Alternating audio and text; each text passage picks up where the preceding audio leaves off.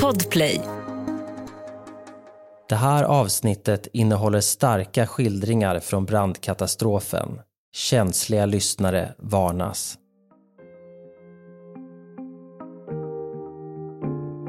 Hiphopmusiken dånar i högtalarna när 400 ungdomar samlas till fest i en industrilokal i Göteborg.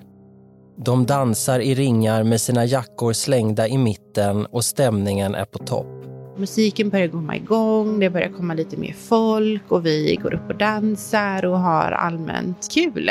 Men strax före midnatt bryter en våldsam brand ut. En som slutar med en av de största svenska brandkatastroferna i modern tid. 20-tal personer har burits ut döda och så många som 50 offer kan ha krävts.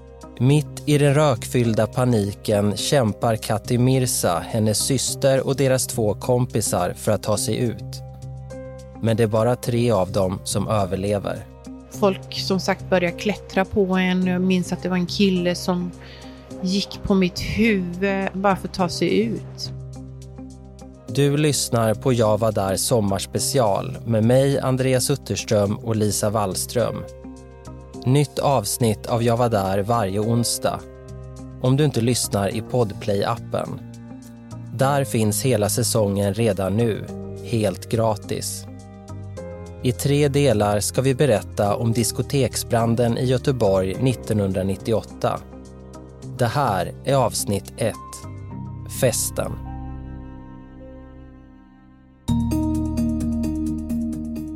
Hösten 1998 ombildar statsminister Göran Persson sin regering. Harry Franzén döms till böter efter att ha sålt vin i sin ICA-butik. Och fotografen Elisabeth Olssons utställning Ecce Homo skapar het debatt.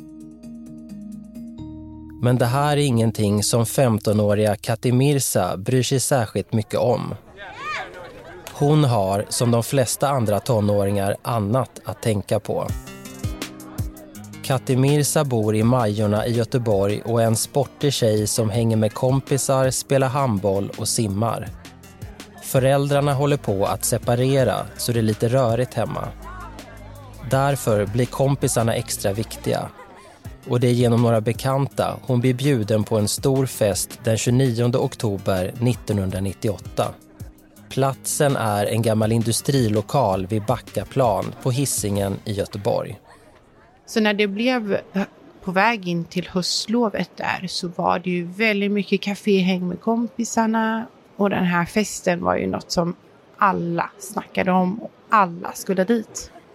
Eftersom Kati Mirsa bara är 15 år gammal måste hon först be sin mamma om lov. Som sagt, mina föräldrar var i en separation så för mamma var det inga problem. Hon var väl lite van vid att jag eh, flängde runt. Ehm, men eh, det, situationen var ju lite annorlunda för jag tvingade ju med lillsyrran och hennes eh, bästa kompis på den här festen utan mammas vetskap. Så det har jag väldigt, väldigt mycket skuldkänslor över. Trots att 25 år har passerat så minns Kati Mirsa tydligt hur festkvällen den 29 oktober 1998 börjar. Jag eh, och min bästa kompis Claudia, eller en av, en av tjejerna jag umgicks väldigt mycket med också, Claudia, var hemma hos mig och vi eh, ja, men, tog på oss kläder och det, liksom inget så här, det fanns ju inget förfest så utan vi drog på oss kläder, det vi ville ha. Jag tvingade med syrran och hennes kompis och så åkte vi upp tillsammans till eh, Backaplan. Vi var där ganska tidigt på kvällen. Eh, när vi kom så var det inte jättemycket folk. Så vi eh, drar oss längst in, längst bort vid DJ-båset och lägger våra kläder och väskor där. Eh, musiken börjar komma igång, det börjar komma lite mer folk och vi går upp och dansar och har allmänt eh, ja, men kul. Det var, det var roligt och det blev mer och mer folk eh, ju, ju mer längre tiden gick. Då.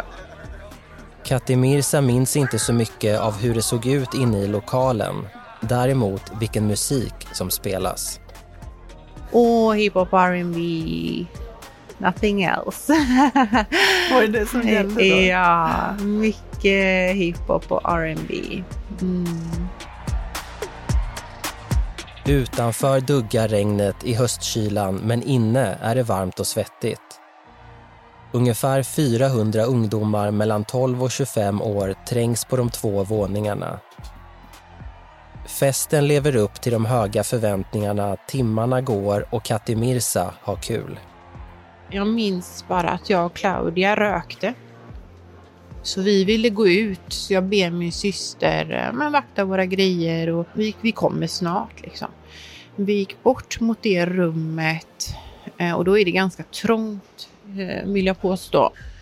Och så är det liksom nej, det är stopp, vi, ni får inte komma ut, det är alldeles för mycket folk som vill komma in. Så vi blev ju liksom lite stoppade där i den här lilla hallen. Klockan är 23.25 när Katti Mirsas lilla syster kommer emot dem med deras jackor i famnen. Katti, det brinner, säger hon. Och jag bara, va? Vad snackar du om? Nu går det väldigt, väldigt fort. Eh, för att vi vill ju fortfarande komma ut, men det är stopp. Jättemycket folk i den här hallen. Kan handla om sekunder så hör vi en smäll. Eh, det blir becksvart.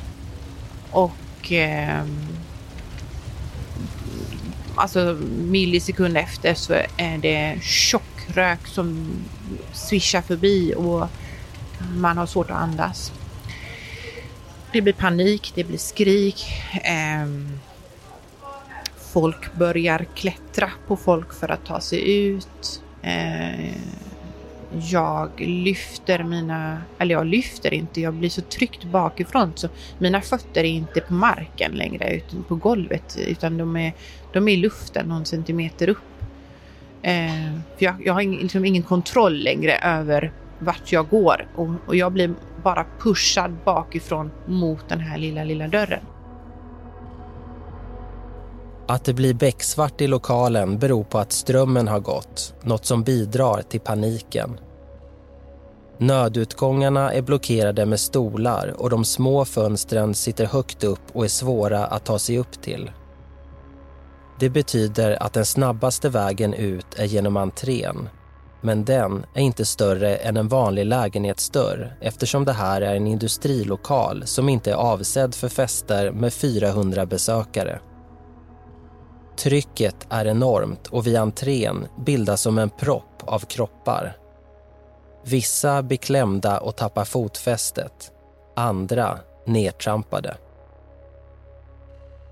Folk som sagt börjar klättra på en. Jag minns att det var en kille som gick på mitt huvud och eh, bara för att ta sig ut. Jag minns hans buffaloskor, det var väldigt populärt på min tid. Jag minns hur han får panik, klättrar på folk. Jag ser hur han tar sig till en hatthylla. Och vid den här hatthyllan så fanns ett litet, litet fönster. Han krossar den och hoppar ut därifrån.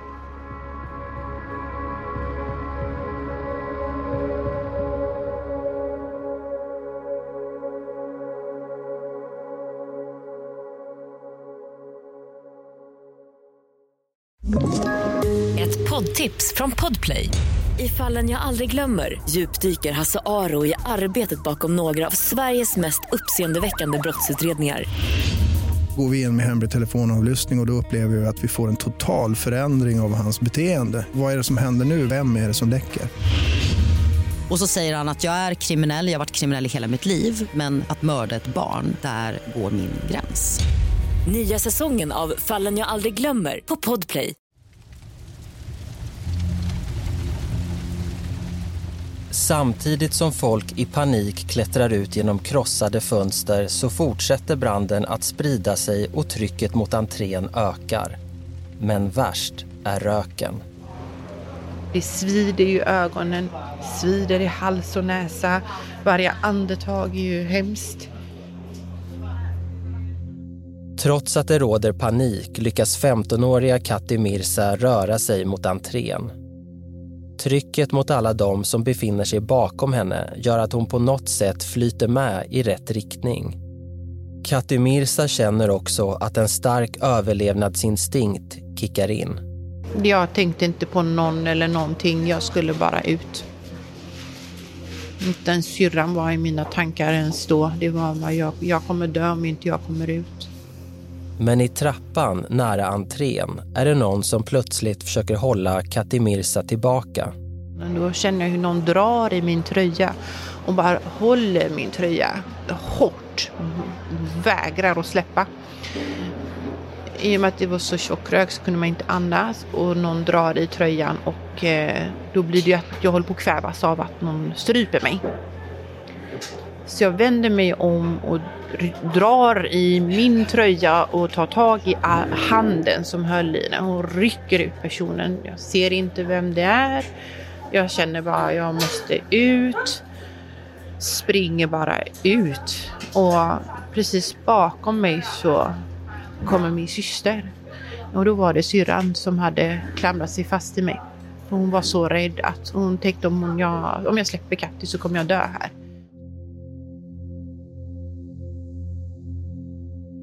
Till slut lyckas systrarna ta sig ut i säkerhet till parkeringen utanför.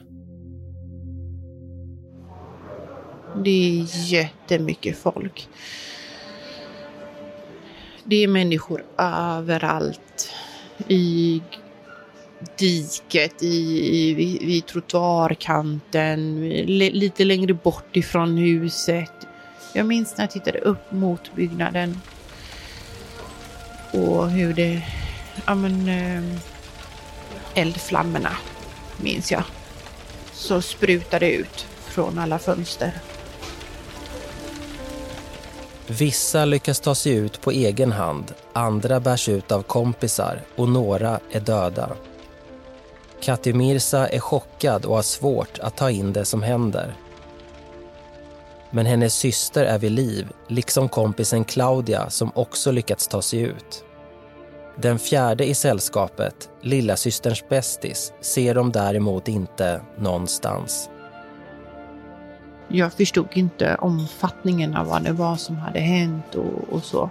Men jag minns att jag stirrar upp mot byggnaden eh, och det är glas från fönstren krossas och folk skriker och gråter och eh, det, det är liksom bara ett enda kaos. Nu får Katimirsa syn på en kille hon känner sedan tidigare. 15-åriga Daniel Gubic vars berättelse du kan höra i del 3 av vår historia om diskoteksbranden i Göteborg. Han är svårt brännskadad och ligger på parkeringen utanför lokalen. Han ligger med huvudet på asfalten. Och då precis i samma veva så kommer en, en um, sjuksköterska fram från ambulansman då. Och eh, frågar mig om jag känner han. Ja, han heter Daniel. Okej, det är jättebra. Du kan, du kan sitta och prata med han. Det är jättebra, säger han. Eh, så jag, håller, jag lyfter hans huvud och håller mina händer under hans huvud som en liksom kudde så att han inte skulle få ont av asfalten. Trots att det gått 25 år väcker de här minnena starka känslor. De drar upp hans tröja, han hade en t-shirt på sig. Så, ursäkta.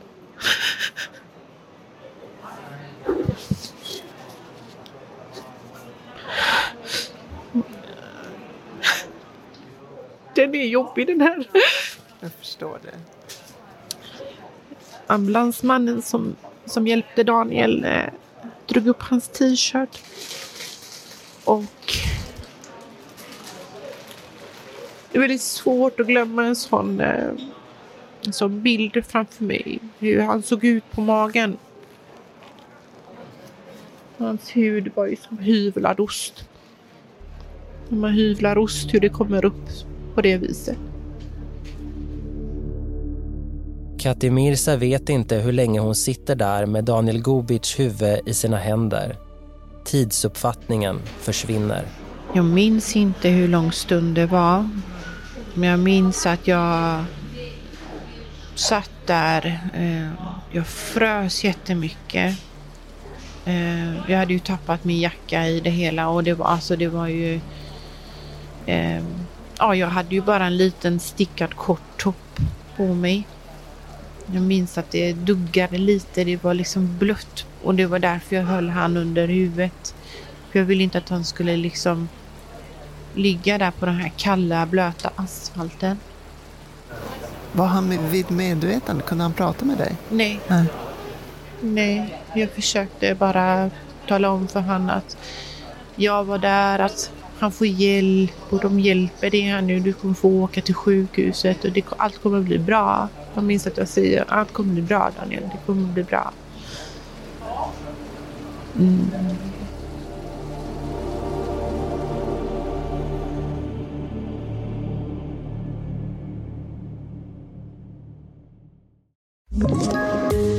Ett poddtips från Podplay. I podden Något Kaiko garanterar östgötarna Brutti och jag, Davva, dig en stor dos skratt. Där följer jag pladask för köttätandet igen. Man är lite som en jävla vampyr. Man har fått lite blodsmak och då måste man ha mer. Udda spaningar, fängslande anekdoter och en och annan arg rant. Jag måste ha mitt kaffe på morgonen för annars är jag ingen trevlig människa. Då är du ingen trevlig människa, punkt. Något Kaiko, hör du på Podplay. Därför är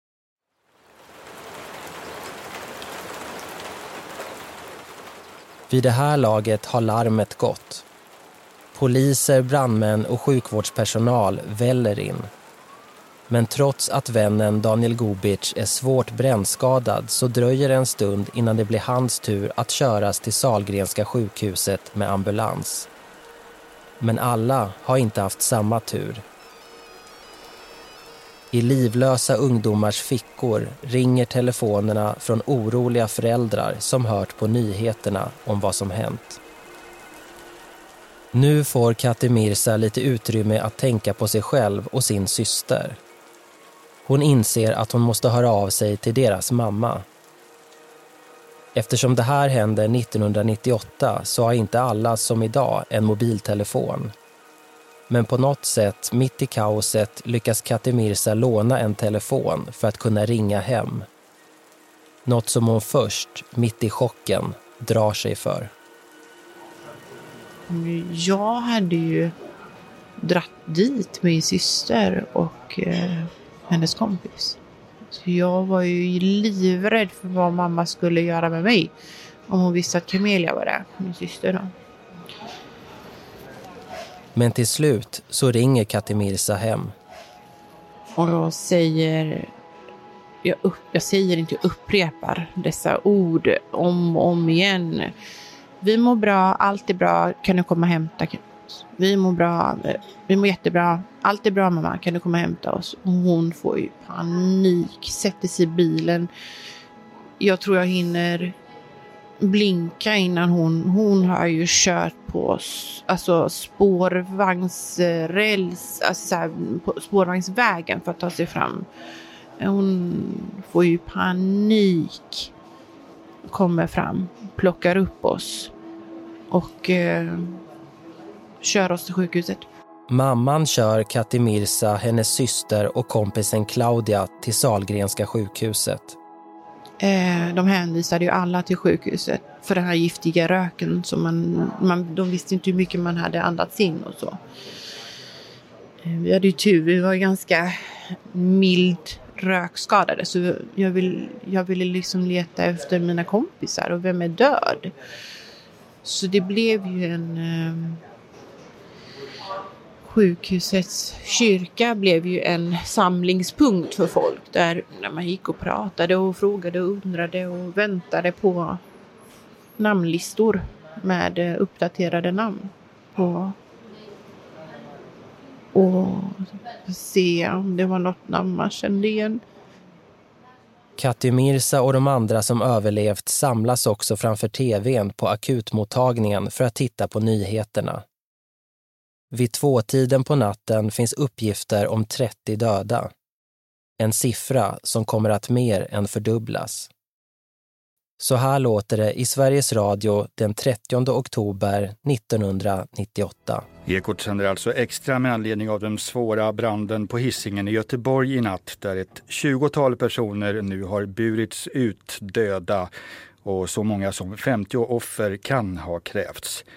Det var i Makedonska föreningens lokaler på Herkulesgatan på Hisingen i Göteborg som alltså branden började. Larmet gick ungefär vid midnatt och inne i lokalerna pågick ett diskotek. Då man eh, säger alltså att eh, det var många ungdomar som fanns här i lokalerna. Många av de omkomna kan alltså ha varit ungdomar. Katti Mirsa, hennes syster och kompis Claudia kan åka hem redan dagen efter, den 30 oktober 1998. Men Kati Mirza är fortfarande svårt chockad och undrar vad som har hänt med lilla systerns bästa kompis som också var med på festen. Tjejen de tappade bort under kaoset i festlokalen inte lyckades hitta på parkeringen utanför och inte heller har träffat på Salgrenska sjukhuset. Men det har sin tragiska förklaring. Senare får Kati Mirza veta att lilla systerns kompis har omkommit i branden. Och det här gör att hon har svårt att känna någon glädje över att själv ha överlevt. Kati Mirza känner bara ångest och en stark vilja att tillbringa så mycket tid som möjligt med kompisarna som har överlevt. Eh, jag fick ingen ro. Så jag eh, sov ju inte på tre dygn. Eh, jag kunde inte sova och jag sov inte och eh, jag var på sjukhuset. Mm, vi hade kompisar över hos mig. Eh, jag gick hem till kompisar. Framförallt plågas Katti Mirsa av dåligt samvete eftersom hon var den som bjöd med lilla systerns kompis till festen där hon omkom. Varför fick de inte leva och varför lever jag? Jag ville inte leva. Jag ville inte känna det jag kände. Jag ville inte gå igenom det jag gick igenom. Jag var ju glad att jag levde men jag var samtidigt väldigt olycklig över det. Mm. Väldigt jobbiga, konstiga känslor. Nu börjar en lång väg tillbaka för Kati Mirsa och samtidigt som hon sörjer har polisutredningen startat. För det visar sig snabbt att branden är anlagd. Men hur många dödsoffer och skadade har den orsakat? Vem eller vilka är det som tänt på och varför? En av dem som i 18 månader kommer att jobba med utredningen där ungefär 1500 personer förhörs är polisen Leif Rundberg. Detta är ju för mig, precis som för många andra, det är före och efter brandkatastrofen i, i min polisiära karriär kan man säga. Det, det, det finns ingenting som, som har både engagerat och, och satt sig så, så mycket som, som just det här. Du hör Leif Rundbergs historia i nästa avsnitt, del två i vår berättelse om diskoteksbranden i Göteborg 1998.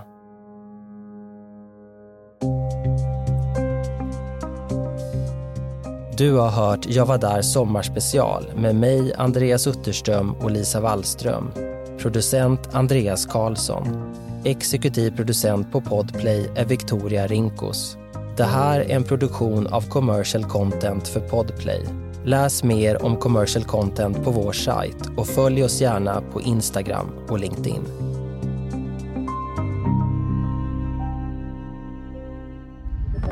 Podplay, en del av Ett poddtips från Podplay. I podden Något Kaiko garanterar östgötarna Brutti och jag, Davva, dig en stor dos skratt. Där följer jag pladask för köttätandet igen. Man är lite som en jävla vampyr. Man har fått lite blodsmak och då måste man ha mer. Udda spaningar, fängslande anekdoter och en och annan arg rant. Jag måste ha mitt kaffe på morgonen för annars är jag ingen trevlig människa. Då är du ingen trevlig människa, punkt. Något Kaiko, hör du på Podplay. Därför är gardinerna.